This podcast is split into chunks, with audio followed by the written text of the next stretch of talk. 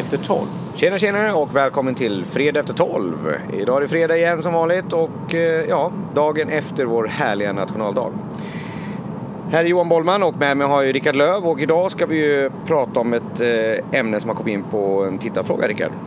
Ja, precis. Vi ska prata om eh, det här med misslyckande och om man kan använda sig av misslyckande för att till exempel skapa framgång eller erfarenhet. Ja, det där är ju, fan, jag tror ingen har, har kommit undan att inte vara med och misslyckas någon gång. Så jag tror att det är ett mycket intressant ämne som vi kan vrida och vända på lite grann. Ja, den som inte har misslyckats har nog aldrig försökt. Så ja, vi kör helt enkelt. Vi kör och som vanligt så kör vi med ett litet ämne. Vi har inget manus och helt utan redigering. Vi kan väl dra lite också. Vi sitter ju på ett litet annorlunda ställe om man undrar varför att ljudkvaliteten inte riktigt lirar den här gången. Nej, precis. Vi är på väg från Göteborg och sitter och spelar in den här i bilen direkt i en iPhone, vilket kanske inte är våran standardlösning på teknik. Men eh, för att hinna med veckans avsnitt så var det det här som stod till buds. Ja, man tager vad man haver, sa någon klok person. Ja, misslyckande. Det Vi kan väl börja lite från början. Du och jag har ofta pratat om misslyckanden. Du är ju duktig på att sätta mål när det gäller sport och din idrott och alla de bitarna. Och eh, när det kommer till entreprenörskap så är det ju också ofta att sätta mål och nå målen. I alla fall att försöka få ekonomin att gå ihop. Det är också den delen. Eh, och någonstans har vi ofta pratat om det här vad krävs för att liksom kunna misslyckas? Det här med att sätta mål. Kan man misslyckas om man inte har ett mål? Eh, det kan man säkert, men det, är ju, det går ju inte att mäta på samma sätt som om man verkligen om man har ett mål och mäter resultatet så vet man ju om man har lyckats eller misslyckats. Eh, och det här ämnet är ju lite, det blir lite brett för att man måste kanske skilja på att misslyckas med ett projekt eller ett delprojekt och att därmed känna sig misslyckad. Det har väl lite grann med inställningen till prestation, till målsättning och till just det här med eventuella rädslor för att misslyckas att göra. Så den är ju, ämnet är ju ganska stort och ganska brett och inte helt enkelt. Nej, för jag pratat om den här delen att med just den här delen kanske att en stor del är ju rädslan i att misslyckas. Jag tror vi har haft det till och med uppe i ett av våra avsnitt tidigare och vilket gör att man kanske man väljer att inte sätta så tydliga mål. Eh, vart ska du nå? Ja, så långt som möjligt, så bra som jag kan och så vidare. Och då har man inga riktiga mål och då finns ju inte riktigt möjligheten att misslyckas. Men det förtar ju också lite grann eh, kanske möjligheten att lyckas om man inte har tagit den delen. Så det är både den delen kanske att sätta lite mål och prata om, men sen den stora biten som jag tror att vår vår lyssnare snedstreck tittare har skrivit in för frågan. Det är väl lite grann den här hur man hanterar sina misslyckanden. När misslyckandet är ett faktum oavsett vad det är. Personligt, ekonomiskt eller idrottsligt och så vidare. Vad man, hur man hanterar ett misslyckande för att, för att kanske också göra det till ett värde som man kan ha med sig. Ja, precis. Jag tror man får börja där med att fundera på runt vems, vem är den så kallade kritiska granskaren i misslyckandet? Är det vad jag tror att omvärlden ska tycka om mig och mitt misslyckande eller vad omvärlden ska tycka om mig om jag eventuellt misslyckas? Eller är det min egen syn på att jag misslyckades med projektet? Så jag tror man får börja med att definiera varför vill jag lyckas med det här målet? Och då är vi ju egentligen tillbaka i vårt gamla kärnämne, ett tydligt varför. Ja, det stämmer. Och då Ja, misslyckas. Vi ska inte sitta och dra mängder av misslyckanden de har gjort, men det har man gjort eh, många gånger. Men eh, misslyckandet känns ju som en del av processen. Du eh, hade igår när du höll en föreläsning nere i Göteborg på EC utbildning, eh, då pratade du om att eh, sätta de här eh, personliga mål och, och drivkrafterna och då, då pratar de till exempel om att eh, sluta röka och misslyckas, eh, att många misslyckas. Jag kommer inte ihåg procenttalet du pratade om där men det var, var ganska högt eh, och likaså med nyårslöften och sånt. Medan man kanske bör ställa in sig på det det väldigt många gånger under resans gång så kommer man misslyckas. Men det behöver inte vara ett misslyckande i slutmålet. Nej, man, behöver, man är inte misslyckad som person för att man misslyckas med någonting som man, som man sätter eh, som man sätter som ett mål. Och det är väl där som jag tror att det kanske ibland Ibland kan nog samhället sätta lite stigmatiserande problem runt det där. Att man känner att man är jag misslyckades med det jag sa. Så man blir alltså rädd för att kommunicera sina mål. Vi kan ibland märka det på svenska idrottare till exempel, som i någon typ av försiktighet för att slippa fejsa ett misslyckande säger att jag hoppas gå till final.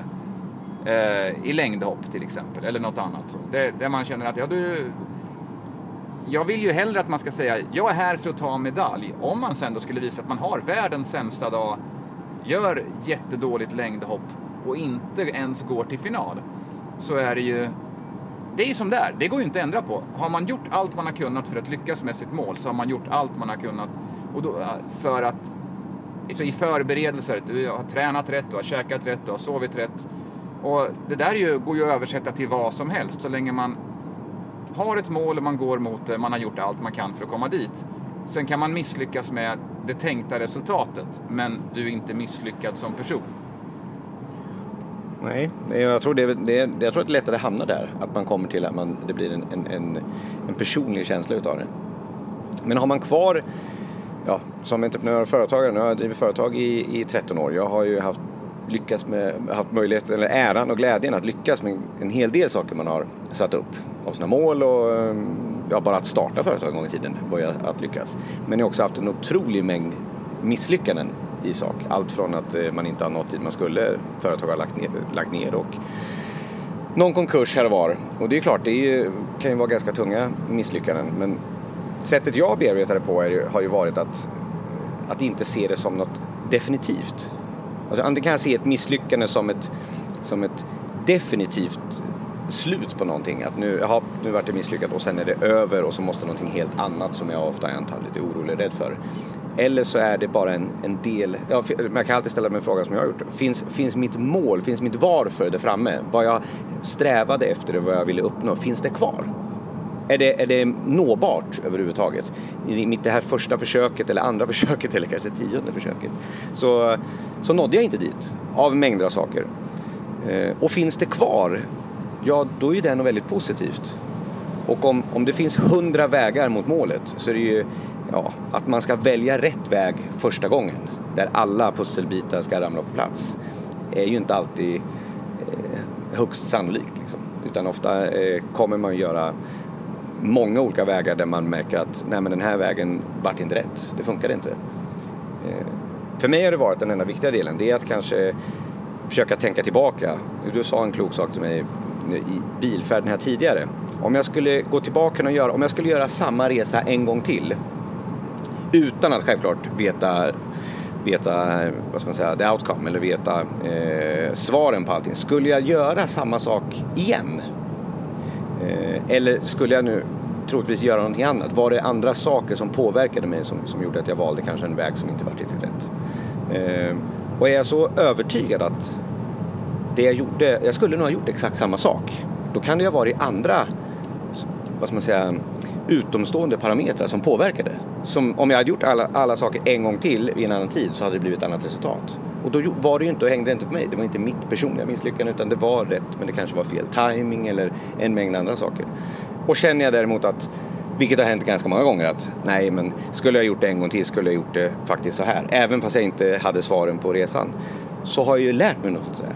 Och om målet finns kvar, visionen eller dit jag vill, så har det ju faktiskt gett mig någonting. Någonting som jag inte hade innan. Jag har ju fått en del svar som är bara nödvändiga.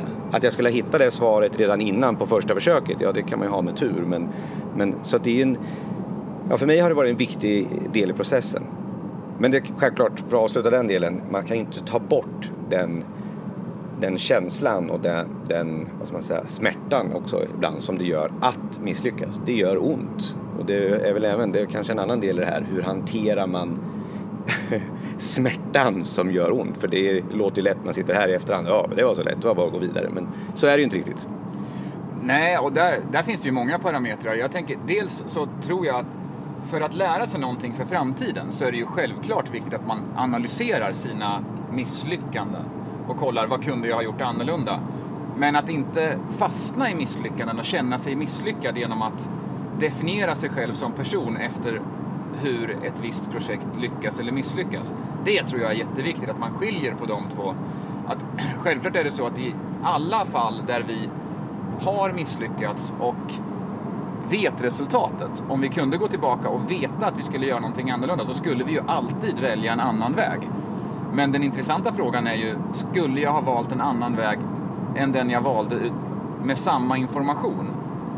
Det är väl där någonstans man kan börja med att lära sig att vad gick snett i det här projektet? Och sen så ser man ju eh, Ja, det är klart att jag skulle ha valt en annan taktik eller en annan strategi eller vad det än må vara i, eh, i ett annat läge om jag får göra om det, när jag vet resultatet. När jag inte vet resultatet så kan vi bara spela med de parametrarna som vi faktiskt hade. Och har, har man, tycker man att man har gjort allting rätt och ändå misslyckats, ja, då är det som du säger. Det kan vara så att eh, man har en konkurrent som faktiskt var bättre, eh, vare sig det handlar om eh, företagande eller någonting annat. Produkten var inte rätt i tid. Det var rätt produkt, men den kom två år för tidigt.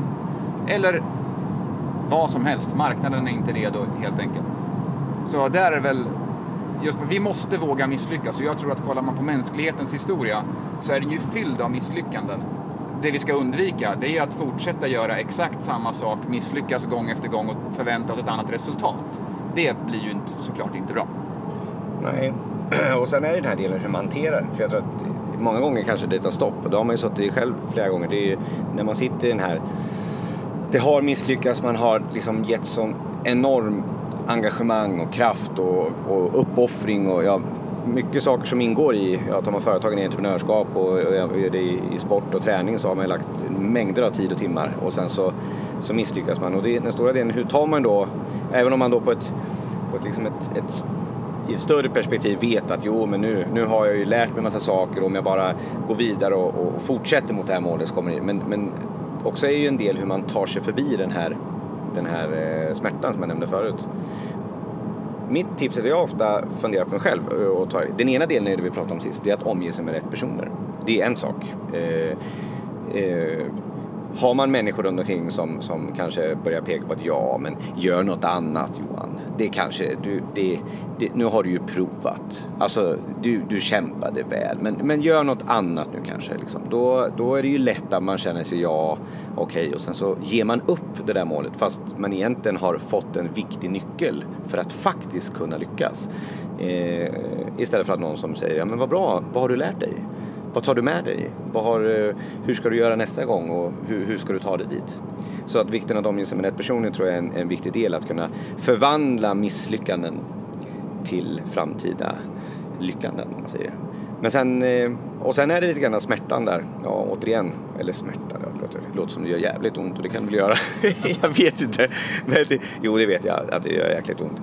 Jag tror att eh, det är en lite förväntan och, och leverans. Jag tror att om man om man, om man går in i en rugbymatch och tror att man inte ska få stryk, liksom, då, då är man på fel plats. Alltså, man, man, om man går in med inställningen och förväntan, inte att misslyckas, men man är inställd på att det kan gå fel och att man är förberedd på och även funderat hur man ska hantera. Bara den delen att man har tänkt tanken, inte att misslyckas, men att hur ska jag hantera den situationen? Eh, är mitt mål kvar? Kommer jag fortsätta? Att man har byggt upp den mentala målbilden. Liksom att någonstans här, eh, jag brukar se mig själv rita den här när man var liten gillade jag att rita de här, man skulle gå i en sån här labyrint och så skulle man ta sig till slutändan och det finns 6000 vägar. Och så. Jag tror aldrig någonsin jag har valt rätt väg första gången. Liksom. Och jag menar, men, provar jag två gånger och sen så ger upp, då kommer jag aldrig klara den där. Liksom. Utan det vart ju att man fick köra tio gånger. Men jag var ju inställd när jag började den där lilla labyrintpusslet att jag antagligen behöver göra 5, 10, 15 gånger innan jag hittar. Men varje gång lärde jag mig någonting att det var inte den vägen. Och det var inte den vägen. Och det var inte den vägen. Men jag menar, har jag inställningen när jag går in och gör hela labyrintpusslet, om det är någon som kommer ihåg hur man lekte med sådana där och ritade, att jag ska klara det på första gången. Annars är jag misslyckad och så skiter jag i det och så, så, så läser jag Bamse eller gör något annat roligt ställe. Så, så kommer man ju aldrig nå fram överhuvudtaget. Så jag tror att det är lite också den delen att, för att det går inte att, det går inte att undvika misslyckande och det priset man får betala. Eh, utan det är mer hur man väljer att hantera det när man kommer dit. Och jag tror att det handlar om ganska mycket förberedelse. Och även förberedelse av vilka människor man har runt omkring sig. Jag håller med helt och hållet. Alltså just den, att vara mentalt stark, att, alltså att man jobbar med sig själv på något sätt mentalt. Man är inställd på målet, man är förberedd på att saker och ting kommer inte gå som jag har tänkt. För om det alltid skulle gå som man, som, om det alltid går som man tänker, då, då blir ju livet lite för lätt kanske. Och det, då tror jag det blir jättestökigt. Så där tror jag också att vikten av att ha rätt personer runt omkring sig då ökar ju ännu mer för att dels måste man ha personer runt omkring sig som hjälper till att förbereda en på att allt du gör kommer inte att lyckas. Och man måste vara beredd att kanske byta kompassriktning efter en viss tid om man märker att man är på väg åt fel håll. Och sen eh, när man eventuellt då har misslyckats, hur, hur bemöter omgivningen dig efter ett misslyckande? Har man fel människor runt omkring sig så kanske man hamnar helt själv efter ett misslyckande. För att man har haft människor runt omkring sig på grund av att man har varit framgångsrik eller haft mycket pengar eller något annat. Ganska sopigt incitament att umgås med folk. Men om man har bra stöd, genuina människor runt omkring som, som ser liksom målet med resan är någonting annat än att umgås med dig Johan för att du är en framgångsrik företagare utan det är att vara med och förändra världen eh, på något sätt. Då kommer man ju få en helt annan stöttning och då vågar man också tror jag misslyckas. Jag tror grejen är att man måste våga misslyckas för att kunna lyckas och just det där att rädslan att misslyckas får inte bli starkare än viljan att lyckas. Nej, och det, ja, det, är, det är en riktigt bra tanke. Det gäller den där delen, man vågar. Men det är också den delen, vi vågar ju bara göra saker om vi, om vi känner oss trygga på något sätt. Så det kommer ju med den delen att ha med rätt folk. Så kan man ju vända på det andra hållet. Vi, vi, är ju, vi är ju även omgivningen till andra. På något sätt. Jag är omgivningen till dig och massa andra. Och man kan ju alltid ställa sig frågan själv hur man kanske funderar lite grann på. Nu har man eh, massa goda vänner som har framgångsrika i mängder olika saker. Men det finns ju, det finns ju en uppenbar och sannolik, risk eller chans att någon av dem kommer misslyckas inom en snar framtid i det ena eller det andra. Och då kan man ju också ställa sig frågan vilken, vilken omgivning jag vill vara för dem. Vad vill jag vara för person? Liksom? Och tänka igenom. För jag tror att det är lätt att man kanske bara eh, här, reagerar istället för att agera mot den här personen. Att man inte gör det med lite eftertanke därför att man känner en eh, medlidande och oj oj oj och så försöker man säga något glatt och säga så här, men du ska du inte bli hockeyspelare istället i alla fall liksom. Och så här, gör något annat, byt karriär, så schack är ju trevligt. Eller, men, eller man försöker på något sätt lyfta upp men som kan få kontraproduktiv effekt istället. Eh, att kanske mer ha den här eh, hur man skulle vilja ha det själv fundera på, men har du kvar, finns ditt varför kvar? Drivs du fortfarande av, av det här målet? Eh, och sådana saker. Ja, men jag, där tänker jag att en viktig sak kan ju vara då att om man själv misslyckas eller har misslyckats, att man faktiskt vågar dela med sig av att det här var mitt mål. Alltså kan man kommunicera att det här är mitt mål och vågar kommunicera det till sin Man behöver inte ställa sig på, på ett berg och skrika ut för hela världen, men man får gärna göra det också. Och, och också vara medveten om att om det här inte går som jag har tänkt så kommer några att se att jag misslyckas. Eller ganska många kommer att se att jag misslyckas. Och då är bara face the music liksom. Det här gick inte som jag hade tänkt.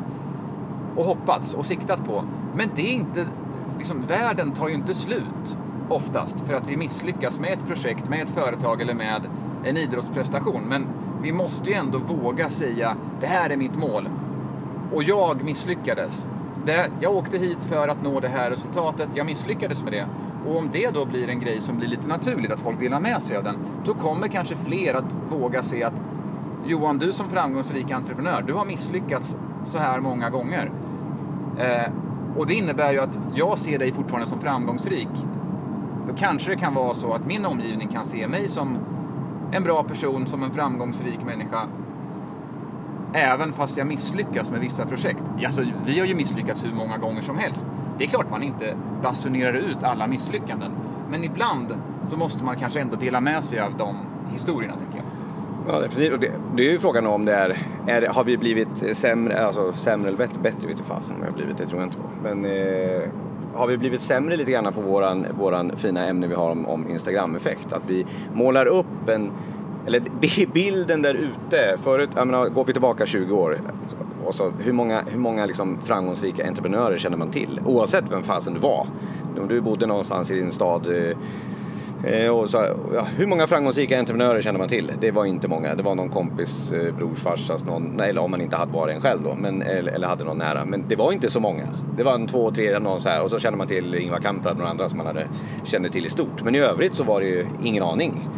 Men idag när man tar information, du, får, du följer, liksom, följer influencers, du följer människor och, och eh, Laila Land och Baggeland och även allt möjligt vad det är på TV där det på något sätt, hela världen verkar bara vara en enda stor framgångssaga. Fluffigt hår. Fluffigt, alltså det är helt fan, alla, jag förstår inte varför har inte jag någon reality show? Men nu har vi ju en podd så att det, det, det är ju ganska framgångsrikt bara det. Men, eh, vad, vad, och då är det klart att man får den här känslan att, eh, att, att det är så för alla.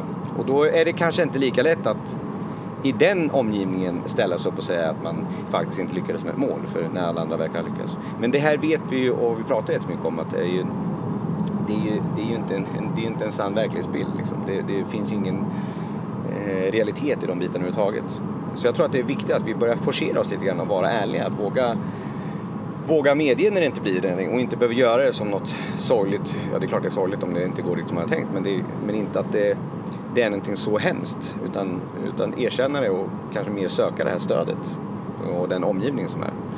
Men jag tror också att, att, att tänka igenom själv vad man kan göra för andra. Att, att, så för självklart, om jag visar att jag är ett sånt stöd och sån person till andra så kanske det också gör att de vågar kliva ur och våga erkänna och säga vad det är. Om, om man istället kan bli ett stöd och hjälpa dem vidare vart man nu vill. Om det är att fortsätta mot målet eller, eller någon annanstans oavsett. Eh, ja, det är en eh, fantastisk del. Men då är det ju Ja, tittarfrågan var kan man använda det till framgång och då skulle man skulle nästan kunna säga, tycker jag, så här långt, och nu har vi inte hållit på så länge, så länge än, men eh, att, att misslyckanden är ju en del av nyckeln till framgång. Absolut. Alltså om man säger så här, nu leker jag med min lilla labyrint här igen. Sannolikheten att du ska träffa rätt på första gången är mycket, mycket mindre eh, än att sannolikheten att du kommer misslyck misslyckas någon gång. Alltså du kommer misslyckas någon gång nästan, eh, mycket, mycket högre den sannolikheten än att du ska träffa rätt på första gången. Mm. Ja. Eh, alltså lär ju misslyckande nästan vara en del av en viktig nyckel för att nå och lyckas med det du vill göra. Ja, alltså nu kommer inte jag ihåg hur många vägar du sa, men om vi säger att, jag tyckte du sa 6000 vägar, 6000 möjliga vägar och vi säger att även om det var en, en grav överdrift så är det fortfarande ja, det var så. Det. Chansen är ju en på 6000 att du träffar rätt, men om du provar en gång så kan du ju kanske utesluta, bara på den gången, så kan du utesluta 600 ja. av de här 6000 vägarna. Eh, då har vi ju kommit lite närmare målet. Det tror jag är hela mänsklighetens utveckling har ju, den består ju av att vi faktiskt har, vi har en idé, vi tror på den, vi testar och sen så någonstans så kör vi i diket och lär oss någonting av det, gör någonting annorlunda. Men det jag tror är grejen idag, det är lite grann den här måste köra bil också. Eh, den här grejen med Instagram-känslan som vi brukar prata om, sociala medier. Vi förmedlar oftast bara positiva bilder. Det tror jag är, det tror jag är skadligt för, för, eh, för modet att våga göra nya saker. Ja, ja men definitivt. Och det, men jag tror, att det, jag tror faktiskt att det är en, jag tror på de positiva delarna och verkningarna av av att det blir rätt. Och jag tror att vi kommer jag tror att det kommer vändas och håller på att vändas. Autenticitet och genuinitet är det som kommer värderas mer och mer och mer och mer. Den här ytliga bilden som vi försöker skapa, den blir bara ytlig och den kommer krackelera och jag tycker den krackelerar hela tiden. Att, att eh, på en, istället för att visa eh, framgångssekunderna eller då det är si och så, istället visa hela sanningen lite mera. Eh, hela resan som innefattar en hel del misslyckanden. Eh, den här tittarfrågan vi har fått den kom ju från en fantastisk entreprenör, krögare och kock. Eh, och, eh, som heter Roger Hjelm. Och eh, jag pratade med, eh, med honom och, och en del av hans kock människor runt omkring sig där och då frågade jag om det här för jag tycker det är så fantastiskt hur, hur man kan lyckas skapa sån vad man säga, sån smaksensation av saker som jag har i mitt kylskåp. Och när de har i sitt kylskåp så blir det någonting helt annat. Jag inte, förstår inte hur man kan göra de här delarna. Och, men det ser så lätt ut hur man svänger ihop de här. Men när man börjar fråga hur det är, men hur tar man fram ett nytt recept till en, till en meny och så vidare? Är det liksom bara, men jag kom på en idé och så blandar jag ihop det och så smakar det jättegott? Och vad jag har förstått så är det en väldans massa misslyckanden i de där delarna innan den där smaken perfekta som skapar det här minnet för livet, innan det sitter. Eh, och det är också det, för mig är det lite grann eh, inte, inte intressant att höra bara för att, för att det är misslyckanden utan för att det, att det är en del av processen. Det, man får en känsla av att saker och ting för människor händer inte bara utan det är ett, det är ett slit, det är ett arbete, det är, en, det är någonting man får kämpa för eh, och man får gå igenom. Man får misslyckas massa mer gånger innan man hittar rätt och få och lyckas. Ja, men det, det där är intressant det du säger om att ha rätt ingredienser i kylskåpet. Jag, jag tänker att det där kan man översätta till nästan vad som helst. Jag kan, jag kan köpa en hel proffsuppsättning med verktyg, men jag kan fortfarande inte bygga en lekstuga. För jag är inget bra på det. Eh, ska jag, ska jag få, få till en lekstuga som är hyfsat okej okay och som står kvar över vintern, så kommer jag behöva misslyckas några gånger om jag inte har någon att fråga. Och vi är ju väldigt mycket för att skapa processer och rutiner utifrån tidigare lyckade case. Och det tycker jag är jättebra. Men det är ju inte alltid applicerbart på alla andra företagare eller organisationer eller projekt. Utan de här individuella delarna, vad är mina förutsättningar? De sakerna måste också spela in. Så att, och där kommer vi på de här sakerna som att till exempel om du startar företag Johan utan mål och vision, inte har en aning om vart du ska, du vet ungefär vad du ska göra, men inte varför du gör det eller vart du vill nå. Så kan jag säga att sannolikheten för att du kommer bli en framgångsrik företagare är ju ganska låg. Men den kan hända. Det finns alltid undantag som bekräftar regeln. Det är mycket troligare däremot att du känner dig framgångsrik om du efter tre år når det här målet som du satte att nå. Efter tre år. Annars har du ju bara uppnått ett resultat som du vet ju egentligen inte om det är bra eller dåligt. Sen kan man egentligen skita i vad omvärlden tycker utifrån någon typ av, om de värderar din framgång som, som, alltså, som bra eller dålig. Det spelar ingen roll. Vill du bli världens bästa förälder, bli världens bästa förälder. Det går inte att mäta. Men det handlar ju om den känslan som du lever i e, utefter dina mål och dina förutsättningar. Det är väl det, att inte alltid värdera sin prestation efter omvärlden utan efter sina egna tankar och värderingar. Ja, så om man ska börja någonstans och runda av lite grann här innan, innan, innan vägen tar slut. Nu vart det lite poetiskt nästan där. Ja. Mm. Ja, nej, den är inte slut den vägen. Men, eh, så på frågan vad är misslyckande och kan man använda det till framgång så är ja, misslyckande är en naturlig del i processen mot framgång. Eh, och då kanske man då, för att sammanfatta, måste ha ställt in sig lite där från, från början. Det finns liksom ingen enkel väg fram. Någon kan göra det och då har man haft lite tur. Men i stort så, så är det en del av processen. Eh, och där sker ju väldigt mycket mentalt, att orka ha den delen. Och inte tro att, att, eh, att misslyckande är samma sak som att vara misslyckad. Utan misslyckad kanske man blir om man, om man, om man tar det på fel sätt. Eh, då blir det någonting personligt. Ja, alltså, kanske det största misslyckandet man kan göra det är att inte våga sätta mål och våga försöka. Det kan väl vara ett misslyckande? Och då är det den här delen igen. För att eh, ska man använda det till, till framgång så, tror jag, så har vi också pratat om att det är viktigt att använda rätt personer runt omkring sig. Eh, och, eh, och då är det även tillbaka, hitta sitt varför. Har man ett tydligt varför och ett mål där framme, då är det bara en, en liten del, någon, en lärdom på vägen. Så en nyckel, en viktig nyckel för, för att eh, använda det till framgång. Ja, och sen så som avslutning för mig då att våga dela med sig av sina misslyckanden lika mycket som man, ja, kanske inte lika mycket som när man lyckas, men att ändå våga dela med sig av att jag har nått hit, men på vägen så har jag gjort de här misstagen. Jag kan tycka att Per Holknekt till exempel är ju ett fantastiskt exempel på en människa som har delat med sig av både sin enorma framgång och sina totala, monumentala misslyckanden i livet. Och det är ju en superintressant person att lyssna på tycker jag. Ja, ja han, han har byggt mycket av det han pratar om nu är ju om, om just sina misslyckanden. Men då kanske det är också, du sa att man inte ska, kanske inte lika mycket, men egentligen om, om det krävs, det är lite som med, vad var det, Edison som uppfann glödlampan? Jag är lite dålig på den, ursäkta mina kunskaper svajar där men eh, som behövde göra väldigt många glödlampor som inte funkade för att hitta en som funkade. Och då kan man fråga, hade han misslyckats 999 gånger? Nej, han har kommit på 999 sätt som man inte kan få en glödlampa att lysa. Så det är lite hur man ser det och självklart blir det så att delar vi med oss av våra misslyckanden på ett konstruktivt, icke klagande sätt eh, så kanske vi också lär varandra. Och jag menar om mina misslyckanden på något sätt, om jag förmedlar en del av den storyn, om det kan hjälpa en enda person att kanske inte gå i samma fälla och slippa just göra den resan utan få den lite på köpet, då är det ett jättevärde. Då var det ju, har ju det misslyckandet blivit inte bara en nyckel till min, till min eh, resa utan också blivit ett värde för någon annan. Så att man kanske kan vända på det här ordet misslyckande och se det som något väldigt, väldigt värdefullt egentligen. Mycket värdiga slutord tycker jag. Alltså, och då kan vi helt enkelt säga så här, mod. Det är viktigt att våga. Det är viktigt att våga. Det här är Fredag efter 12. Vi är en eh, inspirationspodd i nattsudsformat för Fredag efter 12. Vad är det som händer då? Då börjar företagare oftast att tjäna pengar. Fram tills fredag klockan 12 så har vi bara betalt omkostnader. Jajamän. Och eh, vi tackar för den här fredagen och eh, ha en trevlig helg. Hej då! Hej hej!